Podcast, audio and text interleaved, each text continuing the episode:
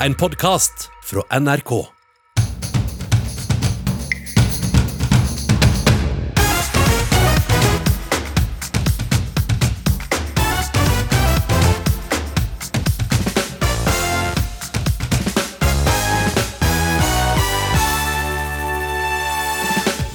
Kasper Ruud klasket seg til finalen i US Open. Det inspirerer små tennistalenter i klubben hans hjemme. Til å bli godere enn verdensmester i tennis, for da blir jeg godere enn Kasper.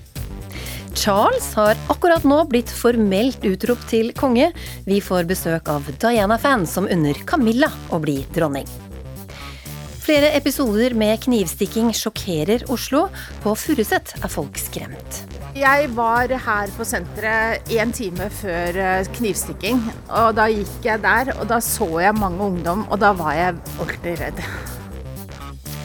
Alle skal selge doruller til inntekt for barnas idrettslag om dagen. En mann som har fått nok av dorulldugnader, møter Idrettsforbundet til debatt her i Ukeslutt. Jeg heter Linn Beate Gabrielsen og har tatt ukesluttbrillene på. Norges tennis-S Kasper Ruud spilte seg videre til finale i US Open i går kveld. Og det er en bragd ingen nordmenn har klart før ham. It was uh, another tough match, as we we all know. Um, I'm very happy with the performance and that I was able to bounce back after losing the third set. Kasper Ruud sa etter seieren i går at det var en tøff kamp, men at han var veldig fornøyd med innsatsen. Tenniskommentator Carl Andreas eh, Wold, hva kan stoppe Kasper Ruud nå? Ja, nå er det én kamp igjen, og det er jo virkelig altså, Hvis du skal skrive en Hollywood-film, så skal den slutte på denne måten med en finale mellom to unge gutter, Kasper Ruud og Carlos Alcaraz. Og ikke bare så er det deres første sånn Grand Slam-tittel som står på spill. Eh, altså, Grand Slam, jeg må si det kort, da, det er jo den største turneringa som er der. Fire Grand Slam-turneringer på et år. Dette er én av de, og den heter US Open. Så den står på spill. For første gang så kan en av de vinne. Og ikke bare det, for første gang kan eh, det blir sånn at eh, vinneren blir verdensener. Og, og dette er jo to gutter som aldri har vært det heller, selvfølgelig. Men eh, Kasper har spilt fantastisk så langt, men Carlos Alcaraz, unggutten fra Spania, kun 19 år, har også levert helt gnistrende. Så akkurat i denne finalen så er det i hvert fall, slik jeg ser det nå, Carlos Alcaraz som er favoritten til å vinne.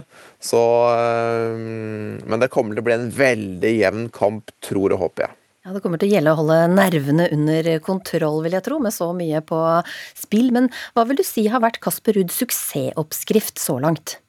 Altså Med tanke på i, i, i karrieren sin og i denne turneringen, så er det det at han stadig blir bedre. Eh, han er jo en ung spiller fortsatt, 23 år, men han tar stadig steg på ting som er, han er svak og dårlig på. F.eks. dette underlaget som de spiller på i New York, som er hardcourt, et hardt underlag. Han har vært best på grus før, hvor ballen går litt saktere og spretter litt høyere. Nå blir han stadig bedre på dette harde, raskere underlaget også. Og jeg hadde jo ikke engang drømt om på forhånd at han skulle gjøre det så bra i US Open som han har gjort. Eh, og det viser igjen at han, han klarer å ta tak i sine svake sider og bli bedre. Eh, hardcourt var et svakt underlag. Nå er han i finalen, da går det ikke an å si at han er svak på det lenger. Så er nettopp evnen til å forbedre sine svake ting, til å hele tiden bli bedre, som, eh, som virkelig er imponerende. Og ikke minst det også at han han, han, er så energisk og han står så godt i kampene, selv om han kanskje møter spillere som har et enda større repertoar enn han. Så bare sliter han de søndre sammen fordi han har eh, en fantastisk fysisk kapasitet og blir nesten bedre og bedre jo lengre kampene blir.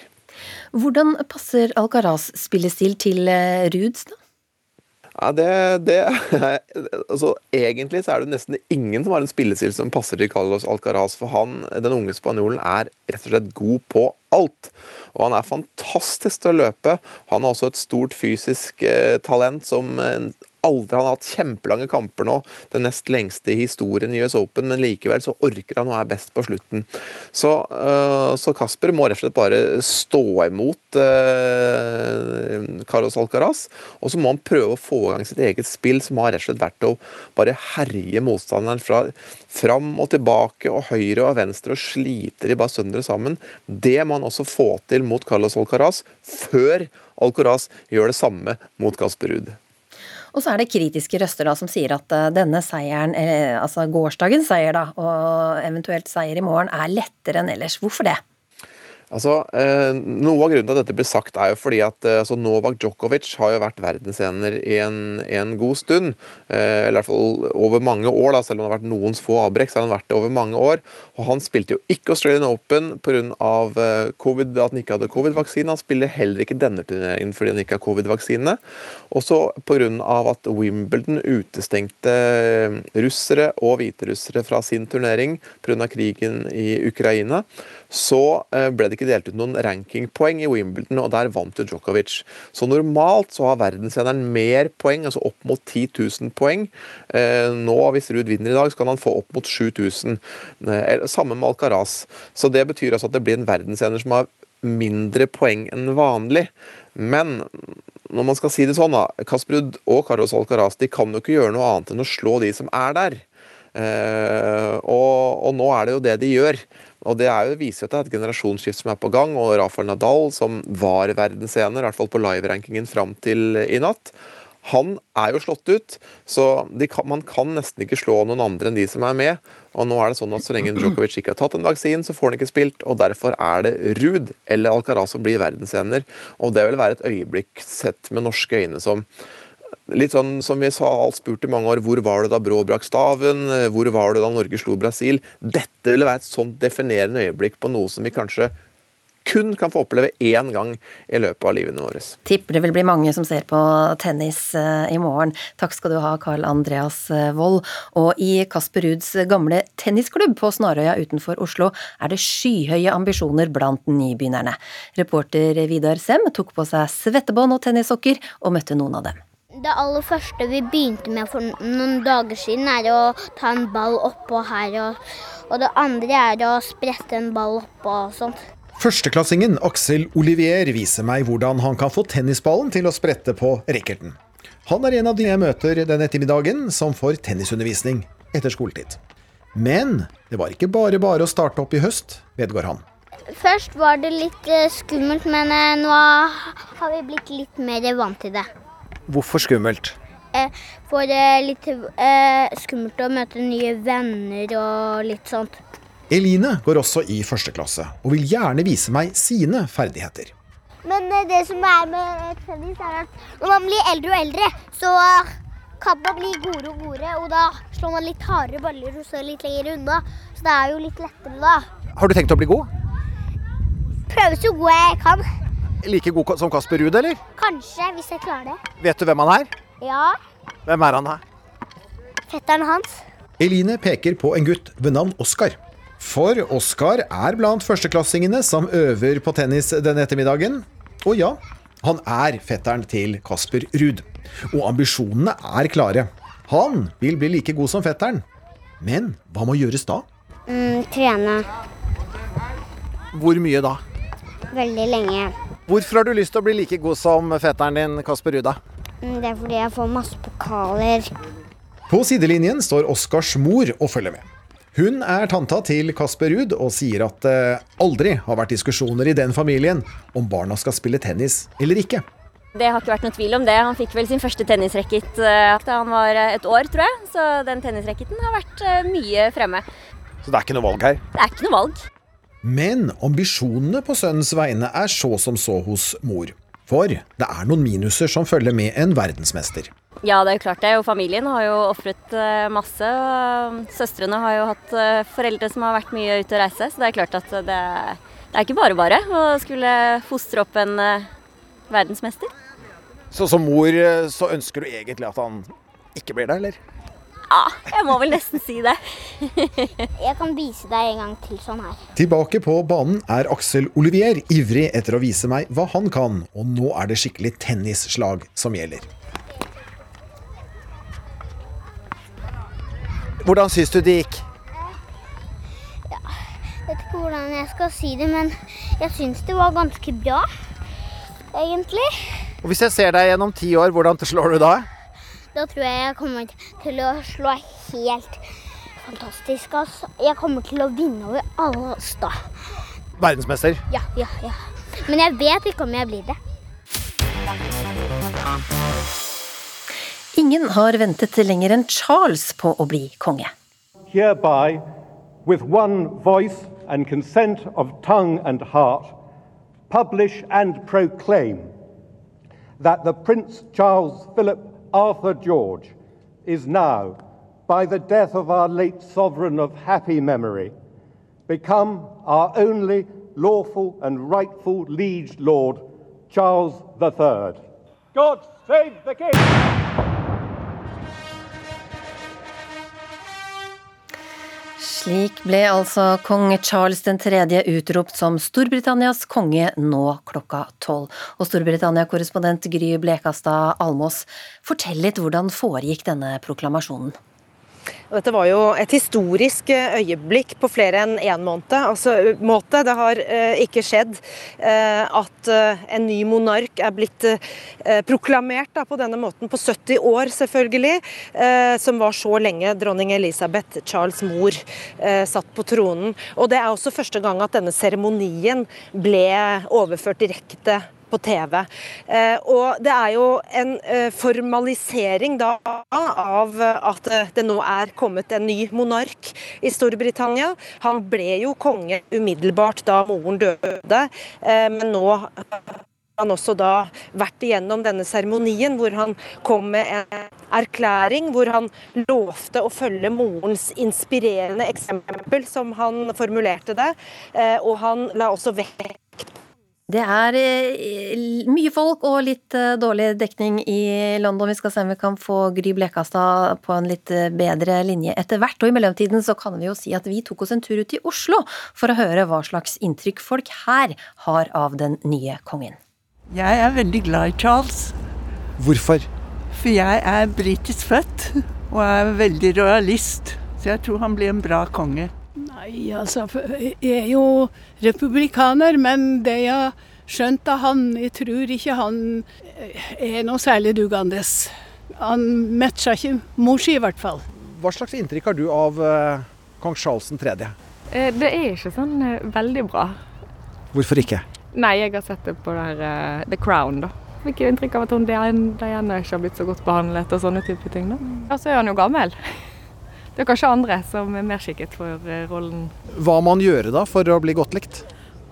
Kanskje holde lav profil og vise seg som en sånn uh, statsmann når han er ute og viser seg.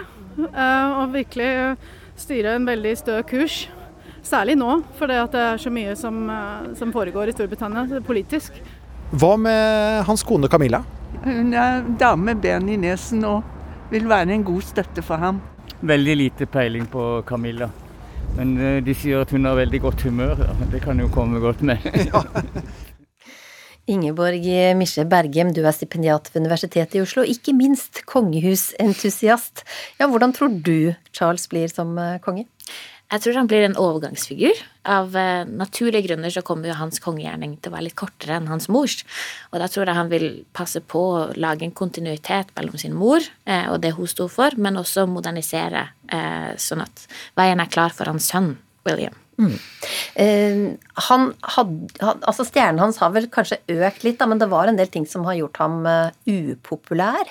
Han har vært svært eh, upopulær til tider, og han er jo på en måte uheldig med at han har levd så lenge før han ble konge, i en tid med stor eh, medieeksponering. Så hans private skittentøy har jo blitt vaska i offentligheten eh, veldig mange ganger, og da særlig eh, med skilsmissen med prinsesse Diana. Eh, så han eh, har slitt mye med det, ikke, har ikke alltid vært populær, men de siste årene så har det eh, bedra seg. Du har jo vært veldig fascinert av eh, prinsesse Diana. Hvordan blir det å se Camilla som eh, dronning? Du, jeg syns egentlig det er ganske fint. Da. Jeg syns det er en inspirerende kjærlighetshistorie mellom Charles og Camilla. Eh, det virker som de har gjort mye galt. Det er mange som har gjort mye galt, men det er lenge siden. Eh, kanskje det er på tide å legge det bak seg, det som skjedde på 80- og 90-tallet. Eh, og så er det også dette med at eh, Jeg syns det er inspirerende at Camilla har stått i det å være så mislikt og hata så lenge. Folk har visst mest pinlige og mest sårbare om henne i så mange år. Hun har aldri prøvd å forklare seg eller unnskylde seg eh, eller skape sympati. Hun har bare venta. og eh, vært sammen med han mannen hun det virker som hun elsker. Eh, og det å stå i en sånn eh, Å være så hata på den måten, men likevel stå i det, det syns jeg er ganske inspirerende. Ja, hvordan framstår hun som ja, dronningemnet, eller nå er hun jo dronning, men mm. Hun er jo Det er flere som har kalt henne den lateste kvinnen på de britiske øyer. Hun er glad i å være hjemme, og hun er glad i jakt, hest, gå i støvler, glad i å glad i hundene sine. Eh, så det virker ikke som hun er en person som elsker glamour og spotlight. Eh, det virker mer som at dette er noe eh, hun gjør fordi hun må, og fordi hun er gift med Charles. På den måten kan hun jo minne litt om dronning Elisabeth, faktisk, som heller kanskje ikke var den som elska oppmerksomhet. Nei, men uh, på ingen måte var uh, lat. Nei, det var hun virkelig ikke. Ja.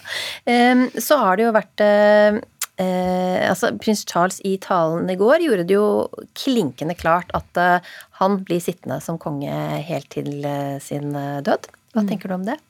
Eh, jeg tenker at så lenge de har et monarki der eh, Hvis de skulle begynt å hoppe fra Elizabeth til William, så ville de undergravd hele hele prinsippet hele kongehuset bygger på. Og hvis det blir en popularitetskonkurranse, og de åpner for det, så tror jeg institusjonen ville blitt undergravd ganske fort. Og så får vi se hvordan det går. Men jeg tror Charles eh, kommer til å gjøre en bedre jobb enn mange tror. Jeg tror det hjelper at han er så gammel, og da virker litt mer bestefaderlig. Og at eh, jeg syns talen han holdt i går, var veldig overraskende god. Ja, hva var, eh, hva var det du likte? Nei, Han er jo en bedre taler enn sin mor, eh, som var ganske stiv. Eh, og Charles har en sånn sårbarhet ved seg som han alltid har hatt, som gjør at man eh, litt, kan få litt godhet for han da. Eh, han var jo også ganske sårbar i den, i den talen. Og så er det også noe med, eh, når man tenker på eh, de som har styrt Storbritannia politisk de siste årene, så i den talen kom det jo fram at Charles også er en mer progressiv mann enn noen i det konservative partiet, f.eks. Mm. Tusen takk skal du ha, Ingeborg Misje Bergem. I dag skal endelig regnbueflaggene vaie tett i tett gjennom Oslos gater. Det skjer to og en halv måned etter skytinga som rammet det skeive miljøet hardt og stoppet den årlige pridefeiringa. Det blir ingen prideparade, men et regnbuetog. Og reporter Anna Ruth Tørresen, det begynner altså klokka ett. Har mange funnet veien til regnbuetoget nå?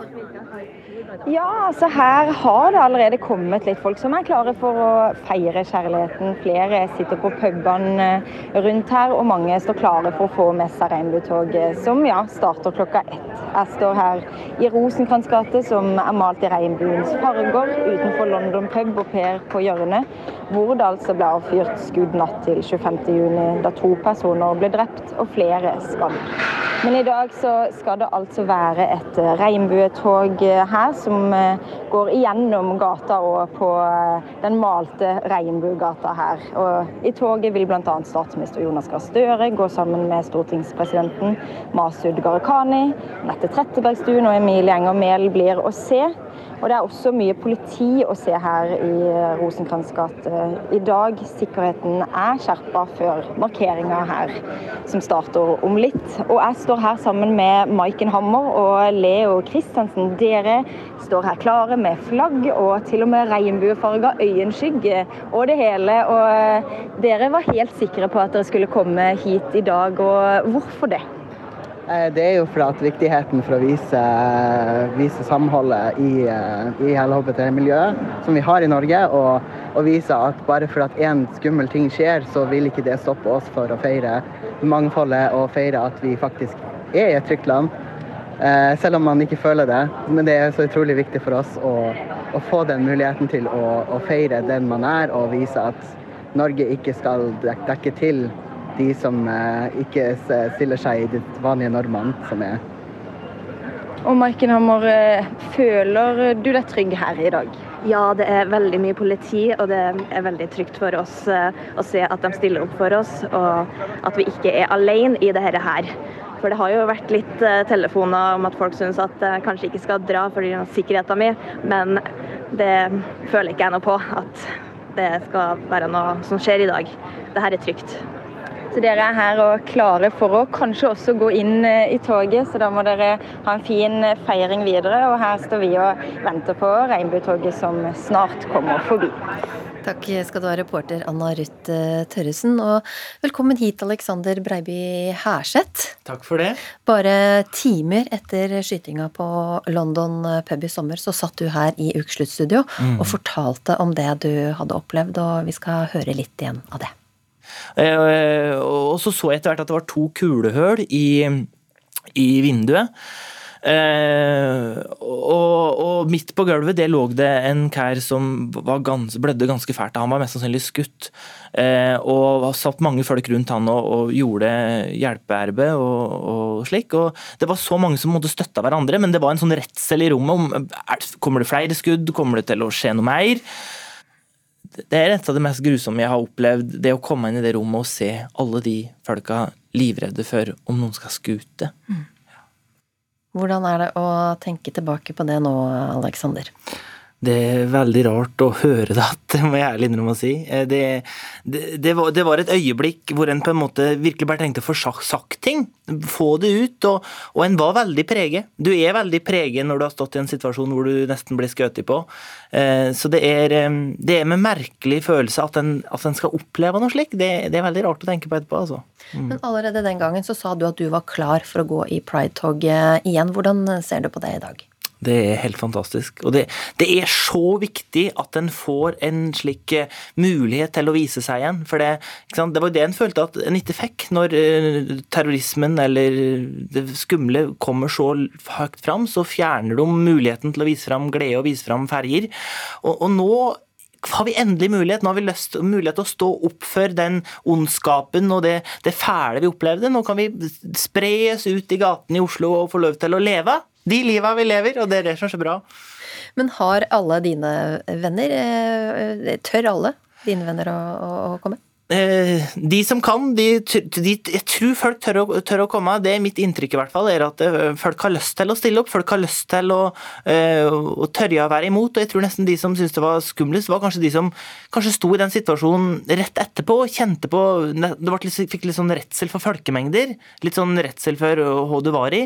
Men nå har vi på en måte gått gjennom prosess, mange av oss, og kanskje har vi fått samles litt, og kanskje har vi fått ja, kjent litt på at nå skal vi gå styrke ut igjen og virkelig troppe opp samle, da. Hva betyr det at eh, statsminister Støre og stortingspresidenten stiller opp en dag som i dag? Det er på sin, helt på sin plass. Hele Stortinget skulle være der. Eh, og det er oppfordringen er at eh, alle samfunnsinstanser må vise eh, den støtta til, eh, til pride og til skeive og til mangfold i samfunnet. Så bra, Støre. Du er på riktig stelle. Men så blir det jo ikke, det blir jo ikke full pridefeiring. Det blir altså et regnbuetog. Hvordan har du og dine venner lagt opp eh, denne dagen? Det er å møte opp med ja, litt farger på klærne og, og, bare nyte opplevelsen. Nyte det folkehavet som en møter, den kjærligheten som er i toget. Og på en måte støtte hverandre. Det er det som er så flott på sånne dager. Og så ta det litt som du kommer. Plutselig gå, gå ut og ta en øl, eller ja, ta, føle, på folkelivet. Og Hva syns du om at eh, pridefargene pryder eh, gata? Det er så fantastisk. Det, det, er så nydelig. Så alle bør ta en tur ned i sentrum og se på det, den fantastiske Som burde være støtt, syns jeg.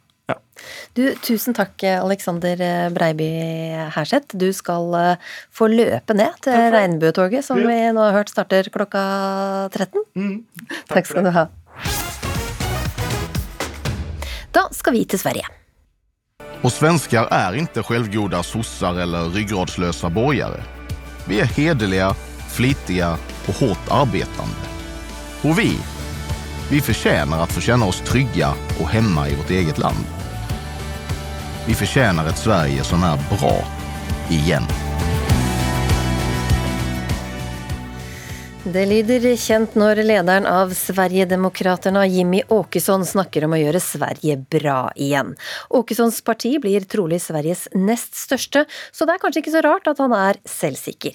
I morgen er det valg i Sverige, og det er spennende om den sosialistiske blokken får fortsette å styre landet, eller om det blir et maktskifte med Sverigedemokraterna på laget. Norden-korrespondent Joakim Reigstad. Tidligere har borgerlige politikere ikke orka å håndhilse på Jimmy Åkesson, men nå som partiet hans er blitt så stort, så har kanskje dette endra seg? Mm, Ja, det spørs fordi at da Jimmy Åkesson eh, strakte ut hånden til eh, talsperson for Miljøpartiet, Marta Stenevi, under en partilederdebatt denne uken her, og sa kan vi være så snill, kan vi slutte å kalle hverandre nazister nå, etter at eh, Miljøpartiets talsperson hadde sagt og kalt det borgerlige alternativet for blåbrunt, med henvisning altså brunfargen til nazismen, så nektet Stenevi å gjøre det, og begrunnet det etterpå med at nei, hun kommer til å fortsette å kalle de blåbrune så lenge Sverigedemokraterna er med i det borgerlige alternativet. Ja, hva krever Sverigedemokraterna da, for å være med? Sverigedemokraterna har én stor valgkampsak, eller det er egentlig mange små som blir én stor. Det er integrering, asyltilstrømning og kriminalitet, hvis vi ser litt stort på det. Og de krever ganske store endringer i den svenske eh, politikken rundt dette her. De vil ha mye hardere straffer. De vil ha visitasjonssoner, bl.a., hvor man kan ransake hvem som helst eh, på gaten uten grunn til mistanke. Og så vil de til og med ha mulighet til å ikke bare utvise utenlandske statsborgere som begår kriminalitet i Sverige, men de vil også ha mulighet til å utvise mennesker som har delt statsborgerskap, altså f.eks. statsborgerskap i opprinnelseslandet og i Sverige. At de også skal kunne vises ut. Så det er ganske harde grep de kommer med i denne valgkampen. Ja, hva lover de andre politikerne da? Nei, altså Det er jo det som gjør dette her så veldig interessant nå. Fordi at eh, man ser jo at dette som Sverigedemokraterna snakket om eh, for eh, åtte år siden, tolv år siden og til og med fire år siden, som da ble veldig avvist av, av de etablerte partiene, av Sosialdemokraterna og av Moderaterna som utenkelig svensk politikk, de har eh, plutselig nå blitt en del av valgkampen. Selv om de ikke tar like hardt i, så snakker nå styringspartiene, Sosialdemokraterna og Moderaterna altså, de snakker om mye av det samme. De snakker om kameraovervåkning, strengere straffer eh, mot de kriminelle. Og det viser jo at eh, Sverigedemokraterna, selv om de har blitt holdt utenfor i lang tid, likevel har hatt en påvirkning på svensk politikk. Her til lands så er eh, strømprisen blitt den viktigste saken for mange, og også i Sverige så er den prisen på kraft blitt en joker i valgkampen. Hvordan da?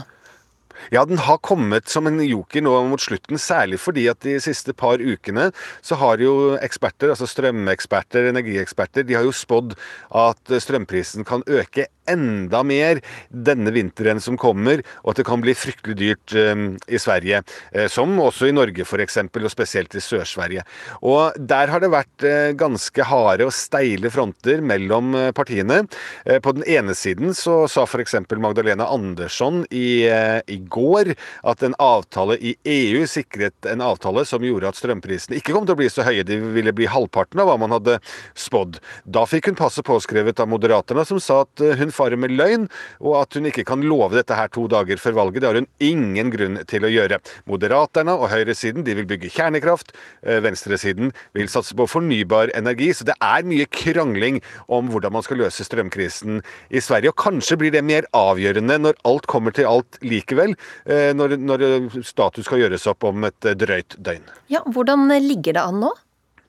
Vet du hva, Det er så jevnt at jeg tør nesten ikke å si eh, hvem som leder på den akkurat meningsmålingen nå, fordi at det kommer en ny en som viser noe annet eh, rett etterpå. Eh, De har vekslet på å lede gjennom hele valgkampen. Nå er det så jevnt som det kan bli. Jeg ser at analytikere anslår at det kan være ned mot 10 000 stemmer som avgjør dette valget her, om det bikker i den ene eller andre siden. Det aller siste meningsmålingene jeg så, så ledet eh, Magdalene Anderssons side, altså eh, sosialistisk side, eh, venstresiden, med ett mandat. Eh, men ledelsen var svært liten. Det var snakk om 0,2-0,3 prosentpoengs oppslutning. Slik at her er det ingenting som er avgjort, og Sverige holder litt pusten nå for om det blir borgerlig flertall, eller om de skal fortsette med den sosialistiske, sosialdemokratiske unnskyld, regjeringen som de har hatt til nå. Og du har vært ute på gata, du, og snakket med svenskene? Det har jeg, og det er eh, selvfølgelig det er også mye kriminalitet som opptar eh, svenskene. Men de er eh, kanskje Noen har blitt litt lei av at alt i denne valgkampen har dreid seg om hvordan man skal bekjempe kriminaliteten, og ingen har snakket om skole eller utdannelse eller helsekøer eller andre ting. Jeg har alltid vært moderat, men det var veldig tveksamt i år. Og jeg syns ikke om noe parti. Så det var eh, det beste av de verste? Ja, eksakt. Eh, har du besluttet deg for du skal, hvem du skal røste på? Jeg har gjort, jeg har redan røstet. Håper du på en endring i Sverige, en ny regjering, eller vil du at de samme skal fortsette? Jeg vil ha en endring, kan man si. Ja, absolutt. Jeg røstet som jeg har røstet siden 1968. Hva, hva syns du om den retningen Sverige bør ta nå? Så bør man ta en hardere retning i, i brottsligheten? Jeg syns at Sverige skulle spørre Norge om, Norge kunde, om vi kunne avlyse styringen av Sverige til Norge. Eller Finland. Men vi har litt svårt selv. Takk til Norden-korrespondent Joakim Reigstad. Knivstikkinger, skyteepisoder og slåsskamper. Den siste uka har politiet i Oslo måttet sette inn ekstra patruljer for at de som bor i hovedstaden skal føle seg trygge. Men det er ikke nok for å få gjort noe med problemet, sier Gulam Abbas, tidligere sjef for B-gjengen. Reporter Marte Kaasa Arntzen møtte ham på Furuset. Det er blodspor. Du ser fortsatt eh, noen merker igjen, men de har jo prøvd å vaske det bort. Du ser det har blitt vasket bort. Jeg falt litt sånn tilbake til min fortid. Da. Hvor jeg følte litt sånn Det gjorde vondt, eh, for å si det helt ærlig. Det, jeg kunne kjenne en form for smerte, og eh, det var ubehag. Hva er det du kjenner igjen fra den gangen du holdt på? Nei, først og fremst så tror jeg at det er eh, veldig smittsomt. Gulam Abbas er tidligere leder i den berykta B-gjengen.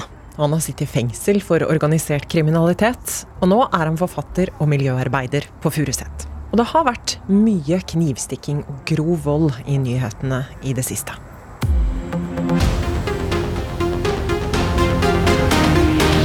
En rekke alvorlige voldshendelser som involverer unge mennesker, har rysta innbyggerne i hovedstaden den siste tida. Her er NRK Dagsnytt klokka 18. Politiet er på Furuset T-bane i Oslo sammen med ambulanse etter melding om knivstikking på stedet. Skadeomfanget er foreløpig uklart, men det framstår alvorlig. Nyheter som dette har opprørt og bekymra flere. F.eks. byrådsleder Raymond Johansen. Det er jo det at det er tydeligvis helt naturlig for enkelte når de går ut om morgenen, i sammen med kanskje mobiltelefonen sin, så tar du på deg en kniv. Og det er ikke for å gå og spikke pinner for å grille pølser i skogen, men det er jo da muligheten for at du skal bruke den. Og for noen av dem som bor på Furuset, har det også endra hvordan de tenker om hverdagen sin. Men man går jo ikke på sentrum. Altså, jeg går aldri på sentrum om kveldene. Det ingenting her å gjøre. Jeg syns personlig det er helt tragisk. Og at det ikke er mer politi til stede rundt senteret her, hvor det er så mye utenlandske. Jeg var her på senteret en time før eh, knivstikking. og Da gikk jeg der, og da så jeg mange ungdom, og da jeg, ble jeg redd. Fordi det var, så, det var så kniving med ungdommene. Altså sånn, Da ble jeg ordentlig redd. Rune Gjelberg er en lokal ildsjel som jobber på Furuset Forum. Og han er opptatt av at nå må politiet bli litt hardere i klypa. Akkurat nå sant, så må de det, helt klart. Fordi at eh, som politiet sier, sant, altså, det her er jo ikke noe fare i utgangspunktet for tredjeperson. Altså, det, det, det, er stort sett interne oppgjør og sånne ting. Men det er jo helt klart at folk blir berørt av det. Altså Barn og ungdom blir jo skremt som jeg sier, når noen blir knivstukket på T-banen her. og klarer å, liksom, å dra seg ut på Trygve Lies plass utover Furuset senter. Masse barnefamilier, folk som på, altså, skal ta kollektivtrafikken og sånn, og holder på å blø i hjel her ute. Så er det ikke noe vi vil ha i det offentlige rom heller. Og så få avdekt de som går med kniv, det, og få tatt det bort, det er viktig det òg. Så det er en sånn veldig veldig vanskelig balansegang, akkurat det her. altså. På Oslo politistasjon møter jeg leder for Felles forebyggende enhet ved Oslo-politiet. Han heter Rune Svan. Vi jobber på, på, bred front, både inn mot individer. Vi jobber mot, eh, med tilstedeværelse i lokalmiljøene, med å bygge relasjoner og bidra til å være gode forbilder. Eh, vi jobber med oppklaring av den enkelte straffesak raskt og effektivt. Um, og vi tar også i bruk andre virkemidler som knivaksjoner og den type ting. Ja, hva går det ut på? Ja, det kalles formelt sett for utvidet visitasjon, eh, våpenvisitasjon. Og det handler om at eh, politiet på, i et avgrenset område kan uh, kontrollere de som ferdes der, for å søke etter våpen. Tilbake på trebenken på Furuset sitter Gulam Abbas og ser utover blodflekkene på asfalten. At når noe sånt først skjer, så eh, går mange i beredskap. Og eh, det er jo redselen som fører til at man bærer på våpen. Eh, Men våpen må, skal jo ikke være så lett tilgjengelig som de er. Så der tenker jeg at samfunnet har et stort problem. For at det er ikke første gang dette her skjer. Er du redd for at det skal bli verre? Ja, man ser jo at det blir verre. Så jeg er jo redd for det. Ser jo f.eks. på rekrutteringsdelen. Det har jo blitt mye større og mye verre enn det man antok tidligere. Tidligere i uka brøt eh, Epilepsiforbundet samarbeidet med prinsesse Märtha Louise. I går fulgte Foreningen for muskelsyke etter. Begrunnelsen var at stadig flere medlemmer reagerer på Durek Verrets spekulative utspill om sin egen form for alternativ medisin og evner som sjaman. Noe av det Durek Verret tidligere har uttalt, er at man kan tenke seg frisk fra kreft. Han selger også en amulett som skal hjelpe mot blant annet korona. Skribent og rådgiver Hilde Charlotte Solheim, du reagerer på at eh, disse ikke lenger ønsker å ha prinsessa som høy beskytter. Hva reagerer du på? Pasientorganisasjonene skal selvfølgelig velge om de ønsker beskytterskap. Men det jeg reagerer på, er når mediene dekker dette bruddet eller den manglende videreføringen av den avtalen, at det lages en direkte kobling mellom Durek Verret og om man kan ha prinsessen som beskytter. Jeg mener fortsatt at kvinner er selvstendige individer. Og Derfor så håper og tror jeg, og det er det jeg har sagt, at man går i prinsessens uttalelser, handlinger og atferd, eh, og der leter etter om det man driver med er forenlig med det hun driver med. Fordi at en kvinne kan fortsatt være sammen med en dust, en mann kan fortsatt være sammen med en dust, og være en person som kan ha en karriere og bli tatt på egne vilkår. Så det er egentlig det feministiske her i at eh, Durek i seg selv bør ikke få direkte konsekvens for hvem som kan jobbe med Märtha. Og de kunne jo jobbe med henne da hun hadde engleskole. Ja. I mange år. Hun hadde engleskole i mange år, den ble nedlagt i 2019. Nå driver hun meg bekjent kommersielt med hest og strikking. Altså med mindre kontroversielle ting enn hun har drevet med før. Anne Hafstad, du er ansvarlig redaktør i eh, Sykepleien. Hvorfor er det riktig at helseorganisasjoner avslutter samarbeidet med prinsessa? Jeg vil jo berømme at de gjør det, eh, fordi jeg tenker at de er avhengig av troverdighet i befolkningen. Og pasientene de representerer er avhengig av en kunnskapsbasert helsetjeneste som vi heldigvis har i Norge. Og til kvinneperspektivet så tenker jeg at ja, hun må øh, og skal være selvstendig. Det er hun jo ikke i denne sammenheng, for det ville vært såre enkelt å gå ut og ta avstand fra det hvis hun mener det. Så man kan jo tenke at den som tier, den samtykker. Hun har en helsefaglig bakgrunn, hun er utdannet fysioterapeut. Hun har kunnskap, og hun sier ingenting. Det burde vært såre enkelt for henne, nettopp som selvstendig kvinne, å sagt at jeg Eh, er glad vi i Norge har en sterk og god offentlig helsetjeneste basert på kunnskap, og tar avstand fra alternative behandlingsmetoder som er direkte farlige for pasientene. For det er jo det det er, det han driver med. Solheim, har eh, prinsessa tatt eh, tydelig nok avstand fra det alternativet? Jeg sitter ikke og finleser hennes eh, uttalelser og livesendinger, og det var derfor jeg presiserte det. sånn at min pekefinger den gikk nok primært til mediene. For jeg antar at Epilepsiforbundet og andre gjør selvstendige vurderinger. Så på samme måte som det har undret meg litt at disse beskytterskapene er blitt videreført etter at hun for ganske mange år siden gikk ut av kongehuset. Så det er litt sånn double dipping. De har lyst på kjendisdimensjonen. Eh, men det er jo veldig lite forpliktende å komme ut og kaste glans. Eh, og jeg tror nok at hun har gjort den glanskastejobben på en fornuftig måte. Men hun valgte altså ikke være arbeidende medlem av kongehuset for mange år siden, fordi at hun ville forfølge en alternativ karriere.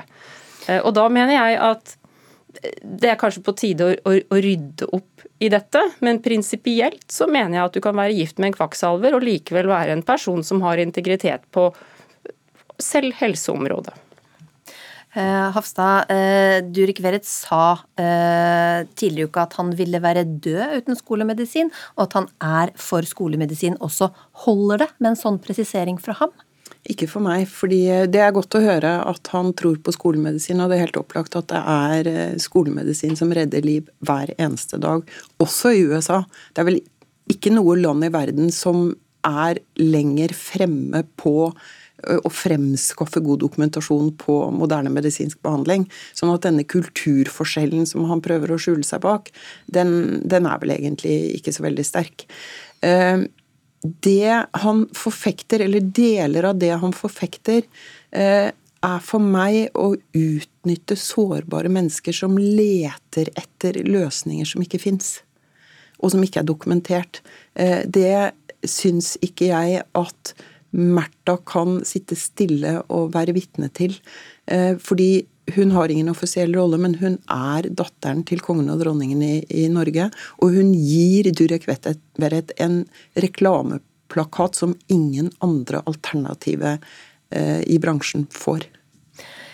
Tre forbund roser også prinsesse Märtha Louise som eh, ambassadør. Er det ikke forståelig at eh, forbund for folk som har alvorlig sykdom, tar tydelig avstand fra personer som eh, framsnakker alternativ tilnærming til sykdom? Ja, det er helt naturlig. Det forstår jeg kjempegodt. Og det er derfor jeg sa da jeg reagerte på dette, at jeg håper man er nå knallpresis i sine begrunnelser. At man viser til, til Märtha som beskytter, og hva hun har gjort, og ikke til hva hennes kjæreste har gjort. Og dette er en beslutning som også ligger et par år tilbake i tid. Eh, sånn at de senere intervjuene har ikke vært en del av dette beslutningsgrunnlaget. Og så kan man ta det i en dialog, men nå velger man også bekrefte at man avslutter eller ikke søker et videre samarbeid, og da blir det en del av et hyllekor hvor hun og han er veldig det samme. Så kan man si at de medvirker til det fordi de framstår sammen sosialt.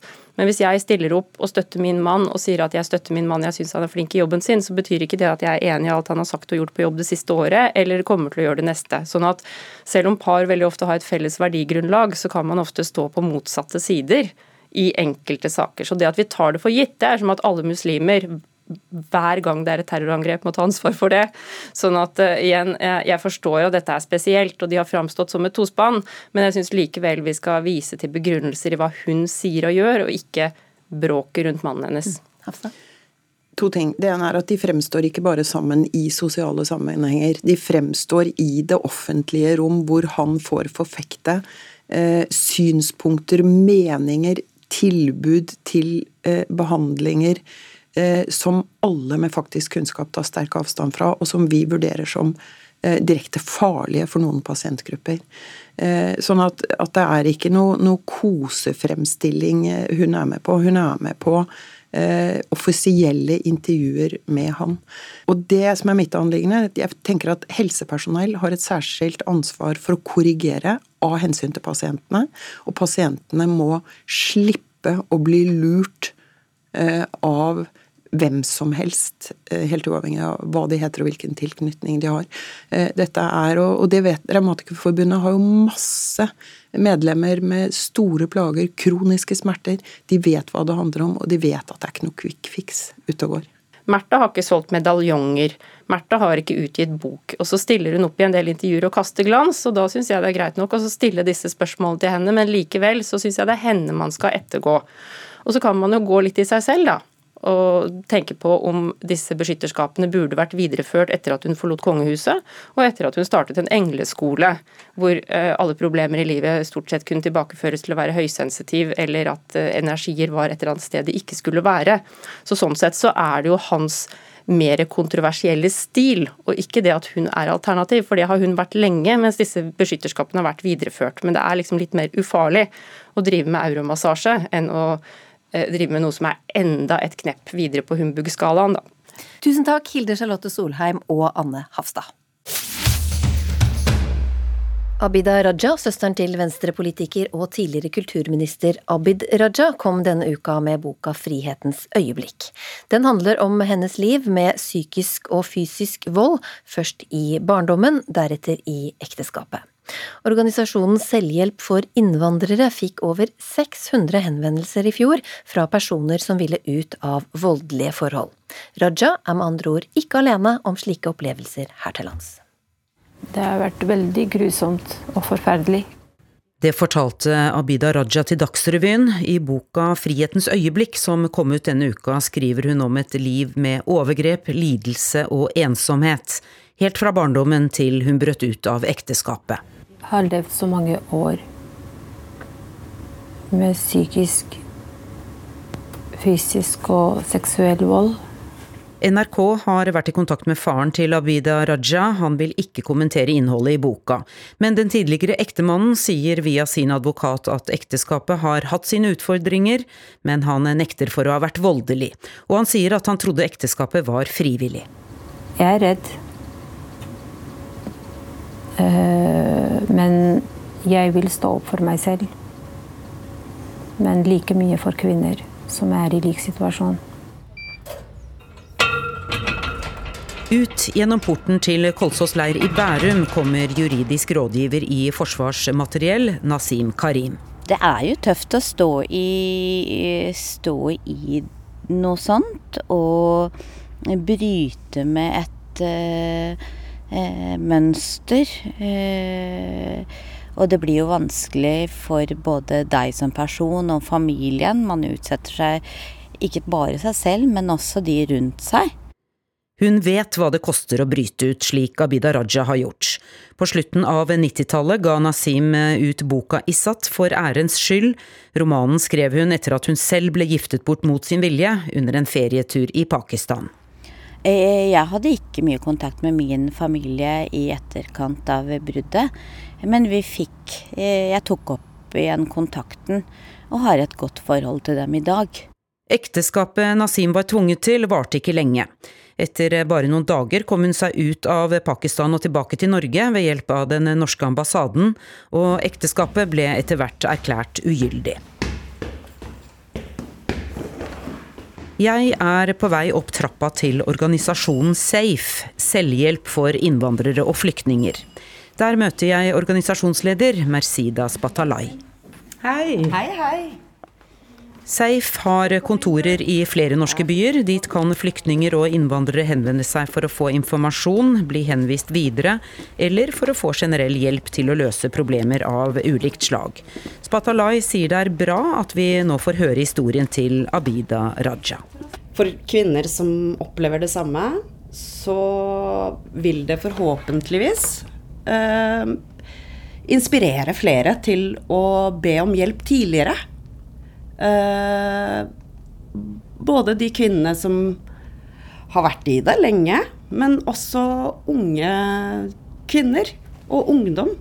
De siste årene har det vært en jevn pågang av folk som tar kontakt med Safe angående vold, tvang og negativ sosial kontroll. Det er spesielt mange som tar kontakt før og etter sommerferien. Ja, helst før. Uh, hvor man da er bekymret fordi man skal på reise. Uh, så man er bekymret på forhånd. Noen uh, har en mistanke, og andre blir med på ferien og ber om hjelp uh, underveis. I fjor hadde Safe 2030 saker som gjaldt oppfølging, og 636 førstegangshenvendelser fra personer som trengte informasjon eller hjelp til å komme seg ut av voldelige forhold. Safes organisasjonsleder understreker at det også er gutter og menn som tar kontakt. Guttene eh, de er jo også utsatt for tvangsekteskap. Eh, de er utsatt for negativ sosial kontroll. Eh, selve altså begrepet negativ sosial kontroll går vel mer på det å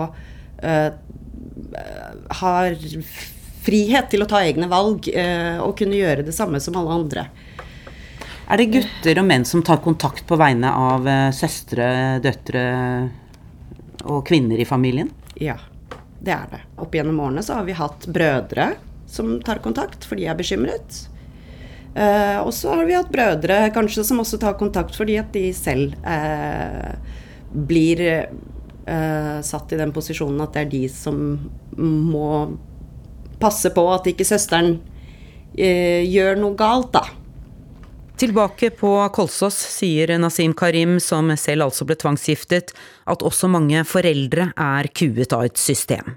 Det sier jo litt om hvor vanskelig det er for foreldregenerasjonen eh, å stå i den eh, kryssilden mellom eh, sine barn og ære og det nettverket de har. For det forventes jo nesten av dem at de gjør eh, eh, slik det har blitt gjort i all tid. Men mønsteret må brytes, ingen skal tvinges til ekteskap, ingen skal leve med vold.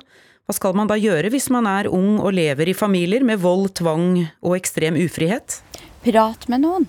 Lærer, helsesøster, eh, venner, eh, kanskje eh, foreldre til noen eh, du kjenner, noen venner. Eh, men lærer er jo ville jeg tenkt ville vært den første personen man kunne oppfordret en 12-13-14-åring eh, til å ta kontakt med. Abida Rajas bok er en historie om en norsk-pakistansk jente og kvinne som ikke fikk delta i det norske samfunnet. Raja håper boka hennes kan bidra til at andre kvinner tar et oppgjør med vold og ufrihet i familien. Jeg ønsker sterkt at eh, kvinner vil se at det er mulig å bryte ut. Jeg vet at prisen er høy, så kan jeg endelig respektere meg selv og bestemme over mitt eget liv. Reporter var Kari Ørstavik. Nå skal vi snakke om dugnad av den nye sorten. Hei alle! Sønnen min selger doruller til inntekt for fotballaget. Send melding hvis du vil kjøpe. Kjøp små kaker og godis, pengene går til en god sak. Vesla spiller håndball. Nå er det lillebrors tur til å dra til Polen. Vi selger bambussokker. Her hørte du et eh, tilfeldig utvalg av meldinger på sosiale medier. Mer eller mindre desperate foreldre er plutselig selgere, og varene er ofte sokker, doruller eller småkaker. Og dette går til inntekt til barnas idrettslag, skoleturer og russebusser. Her om dagen sto en av de mange dugnadsforeldrene fram i Budstikka og sa han er så lei av å selge tørkeruller, dopapir og småkaker at han holder på å dø. Og dette var dine ord, eh, Pål Berg. Du er far til to, og du har trent basketballag i en eh, årrekke. Eh, ja, nå har du garasjen full av småkaker og doruller igjen. Hvordan eh, blir du kvitt det? Jeg regnet litt på det og fant ut at jeg sannsynligvis har doruller ut min levetid, så jeg kommer til å dø med de dorullene, virker det sånn. Men jeg, jeg, har ikke noe dorullangst i det daglige, så utgangspunktet var vel egentlig hvordan man finansierer idrett. Og det som er litt morsomt med dugnad, det er jo et gammelt ord. Og unge mennesker kan ikke gamle ord og forstår dem ikke. Og nå er det jo sånn at uh, dugnad er når mor og far går på Facebook for å selge doruller. Det er dugnad. Ja. Så da, er det definisjonen for de unge. Ja. Men uh, for alle som ikke kjenner denne dugnadsformen, da, hva, hvordan fungerer det? Dorullens onde sirkel er vel sånn at man bestemmer seg for å finansiere et eller annet. Finansiere idrettslaget. Man får beskjed om å selge et par uh, dusin pakker med doruller. Og vi henvender oss på Facebook til venner, kjente og familie, og blir kvitt det meste. Sitter igjen med fire, så du kjøper de selv. Og etter fire uker så er de samme dorullene til halv pris på europris. Så da gikk du glipp av det, og så tar det fire uker til, og så kommer de samme vennene tilbake og lurer på om ikke vi skal ha noen doruller. Så det, resultatet er at du har kjøpt doruller til firedobbel pris eh, for en jobb du egentlig var helt uinteressert i å gjøre. Men eh, altså, det her er jo for å finansiere eh, breddeidretten, men eh, hva syns du man skal gjøre i stedet, da? Jeg likte gamle dagers dugnader. Jeg har vært med på mye rart. Jeg liker flyttejobber, malejobber, ryddejobber, plenklipping, snømåking. Jeg skjønner at ikke alle unge er interessert i det, men jeg syns det hadde vært fint om en 15-åring fikk inntrykk av at han eller hun også var med på noe for at de skulle få lov til å holde på. Det syns jeg jo. Finn Aagaard, du kommunikasjonssjef i Norges idrettsforbund. Forstår du frustrasjonen til eh, Pål Berg? Jeg har ingen eh, problemer med å forstå at det kan være krevende å få unna et så stort lager med doruller som Pål eh, her beskriver. Samtidig så har jeg jo lyst til å si at doruller er vel kanskje det produktet som jeg ville ha savnet aller mest hvis ikke det var tilgjengelig. Så det er i hvert fall et, et nyttig produkt som man selger. Så kan man alltid diskutere prisnivå og slike ting, men jeg tror de Eh, foreldre og de som tar imot disse dorullene, eh, gjør jo det mer enn på bakgrunn av pris.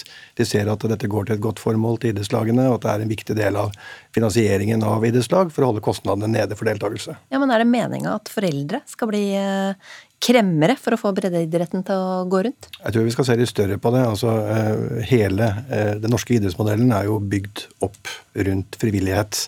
Og den eh, gammeldagse måten å drive frivillighet på, som Pål nevner, den er jo ikke død. Eh, dette er jo en utrolig viktig og sentral del av det å delta i idretten. Vi trenger parkeringsvakter, vi trenger kioskvakter, vi trenger banemannskap, og vi trenger spikere, og vi trenger også malere når klubbhuset begynner å flasse. Dette er på mange måter eh, en liten del av et stort dugnadskorps som bidrar for å holde kostnadene nede for deltakelse, som er viktig for at alle skal kunne delta i idrett. Ja, Hva sier du, Pål Berg? Dette må du bare gjøre, sier han. Og vi gjør det. Et poeng er jo at det er veldig mange mennesker som gjør veldig mye som ikke er synlig. Så når vi har denne turneringen til helgen hvor vi skal gjennomføre 500 kamper, så er det masse mennesker i mange haller som gjør en kjempejobb. eh, Og det syns jeg vi kan verdsette. Og derfor syns jeg det er ålreit å kreve 50 kroner for å komme inn og se på barneidrett. Ja, Er det løsninga? Å heller kreve mer i inngangspenger? Nei, men jeg tenker sånn Hvis eh, disse dorulldugnadene da i løpet av et år, hvis det genererer 1000 kroner til Polens aktivitet, eh, og alternativet var å betale 1000 kroner mer i treningsavgift, så du slapp alt hassle, så tror jeg kanskje 99 av 100 ville ha sagt det gjør vi. Fordi det tar tid, og det er nok av tid eh, som går med til å betjene barn allikevel. Altså De skal kjøres fram og tilbake og hele den pakka der. Ja, og det er jo Vi har jo snakket med Nordkak, som er de som selger kaker og doruller og tørkeruller til eh, idrettslag, og de omsetter for over 70 millioner kroner i året. Eh, Finn Aagaard, eh, er det ikke mer realt å la foreldrene betale direkte til idrettslag istedenfor å bygge et firma da, som selger doruller? Det kan man eh, sikkert eh, diskutere, men, men vi tror jo på det at hvis man skal betale seg ut av frivilligheten, og det på mange måter også blir en trend der ute at man kan gjøre det, så tror jeg at det faktisk vil generere en dyrere idrett eh, på sikt. Så jeg tror at det er viktig at alle som ønsker å bidra, faktisk bidrar med de hendene og de hodene og de føttene de har. Men dere er også fraråder også at det tas inngangspenger for for å se på barne- og ungdomsidrett. Hvorfor det? Vi mener jo at det også kan være med på å øke terskelen for deltakelse. Det er jo viktig at man kan skape god stemning eh, når barn og unge skal eh, delta og konkurrere og være, til stede i idrettsarrangementer. og Hvis det blir en terskel for å delta, så er det litt trist, syns vi, at det skal bli dønn dørgende stille inni en hall og ingen har råd til å være med. Pål Berg, hvordan hadde det gått hvis, eh, dere, hvis man ikke kunne tatt noe inngangspenger i det hele tatt? Det hadde gått bra, det også, men eh, jeg, jeg syns som sagt altså, hvis det kan være med på å, å skaffe oss penger som vi slipper andre jobber for å få tak i, så syns jeg det er helt innafor. Jeg kan altså bare kommentere at eh, Vi erkjenner jo at eh, vi er nødt til å se på alternative løsninger eh, for å drive inn de nødvendige midlene som klubbene trenger for å holde kostnadene nede. og Idrettsforbundet så jobber vi også med digitale løsninger som vi skal gjøre tilgjengelig for norske klubber og lag, som f.eks. dugnadsspleis, der man liksom en sånn Tinder-variant kan koble idrettslag mot oppdraget. Og som ikke bare dreier seg om å selge doruller, men som kan være malejobber eller andre typer oppgaver som, som kanskje folk opp, oppfatter som mer givende å, å holde på med. Men hvorfor kan ikke Idrettsforbundet betale mer til lagene? Ja, det er, jo, det er jo for så vidt regjeringen som tildeler spillemidler eh, og, eh, gjennom overskuddet fra Norsk Tipping. Og der er det en bestemt pippenøkkel som skal gå til idretten. Og av det igjen så er det en andel som går til den sentrale idrettsorganisasjonen. Så dette er jo LAM-midler, det er grasrotandel, og det er ikke minst finansiering til anlegg. Men det er ikke aktuelt å gi mer eh, til breddeidrett? Ja, Det er i så fall myndighetene som eh, vil ta den beslutningen og tildele penger rett til klubb. Da regner jeg med at eh, du kjøper noen eh, doruller av Pål Berg og andre dugnadsselgere, Finn Aagaard. Det kunne ikke passet bedre, for nå er jeg faktisk tom. Ja, takk for at dere kom til Ukeslutt. Ukeslutt. Da er det én uke til neste ukeslutt, med mindre du har lyst til å høre på podkasten vår fra dagens sending, som er klar om ikke altfor lenge. Ansvarlig for eh, dagens sending, det var Kari Li. Teknisk ansvarlig Eli Kyrkjebø, og i studio, der har du hørt meg, Linn Beate Gabrielsen. Ha en god lørdag. Du har hørt en podkast fra NRK. Hør flere podkaster og din favorittkanal i appen NRK Radio.